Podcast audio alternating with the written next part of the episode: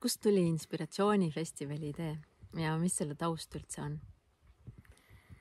see idee Mm. tuli sel hilissuvel, aga ta oli varem juba kujunemises, selles mõttes, et kui me sel aastal tegime enesearengu festivali teist korda, siis äh, eks ta sai juba sellel hetkel alguse, sest me juba teadsime, mida me järgmine aasta teeksime teistmoodi.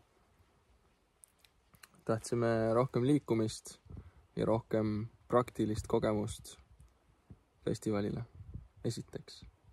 et oleks vähem nagu vabaõhukonverents, aga no eks need teemad tegelikult ikkagi on, on huvitavad minule, meile, et kuidas terviklikult elada sellist elu, mis on rahuldust pakkuv.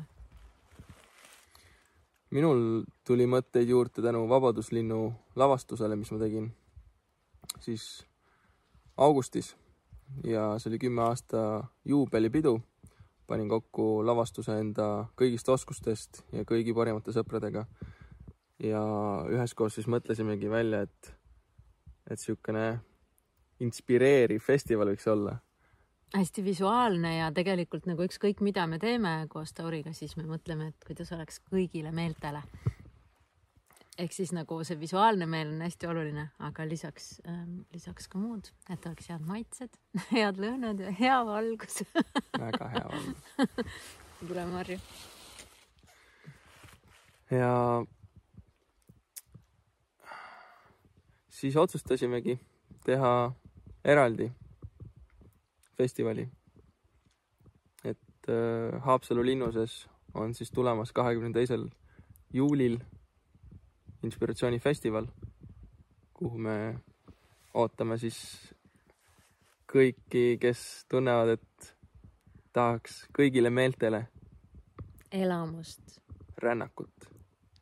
jah, sest et ja tegelikult minu vennalt tuli see mõte Kentilt, et et see võiks olla täiesti nagu läbi komponeeritud ja läbi lavastatud algusest lõpuni ja see kõnetas mind väga ja kuidagi tundus täiesti eriline lähenemine.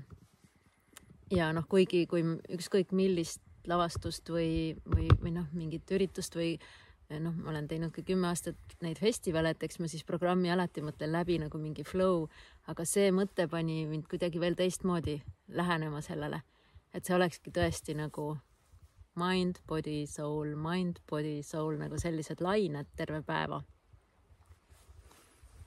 ja siis õhtuks äh, meditatiivne rännak oma sisemaailmasse ja peale seda visuaalne suurlavastus Tule Slackline õhushow, mis on täiesti ainulaadne maailmas. ja näitab, et kõik on võimalik koos üleinimlike võimetega siis. Jah, seda oskab Tauri näidata ja tema sõbrad, eks ma olen alati hämmingus, kui, kui midagi, midagi sellest kogen, et midagi nii ilusat ja midagi nii erilist ma ei ole kunagi näinud. ja noh, see tundub ebareaalne, et sa oled lihtsalt nagu põrkav mees nagu ja nendes kõrgustes ja, ja noh, sõber tulega ja sellised, sellised asjad, mis on ebareaalsed. et see on hästi inspireeriv, et nagu, mis meid üldse inspireerib, täna tegime ka väikese arutelu sellel teemal, siis noh, eks me kunagi filmime seda ka, aga noh, need ongi kõik, kõik asjad alates loodusest kuni teiste inimesteni. inspiratsiooni leiab igalt poolt, kui olla sellele avatud. ja, ja seda sealt festivalilt kindlasti saab, et me kutsume sinna kokku hästi ägedad inimesed nii osalema kui esinema. ja siis jah, teeme selle kõik selliseks hästi elamuslikuks. ehk siis, et sa ei saa sealt niivõrd märkmikutäit mõtteid, kuivõrd inspiratsiooni igasse rakku ja see on sul alati kättesaadav pärast festivali ja selle ajal. Teiega juba ootame. Teiega juba teeme plaani ja programm on valmis. varsti avaldame sellest kild-killult ja mm, ja see nimi Inspiratsioonifestival, see hakkas meid iseendid inspireerima. meil ei olnud plaanis otseselt, et ja selle asja nimi on Inspiratsioonifestival. seda tegema hakates me ei teadnud, mis selle nimi on, sellele tekkis protsessi käigus nimi ja, ja siis mina tundsin, et iga kord, kui ma selle sõna peale mõtlen, siis mul oli nagu siukest nagu elektrilaengut tuli kehasse heas mõttes nagu sellist särtsu ja särinat. et see see kindlasti tuleb sealt festivalilt läbi. Seega registreeri ja saad täpsemalt teada, mis festival on tulekul.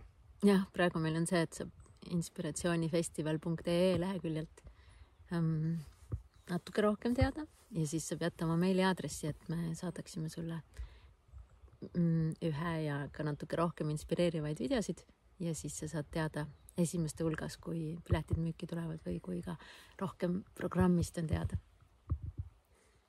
tšau. Tšau.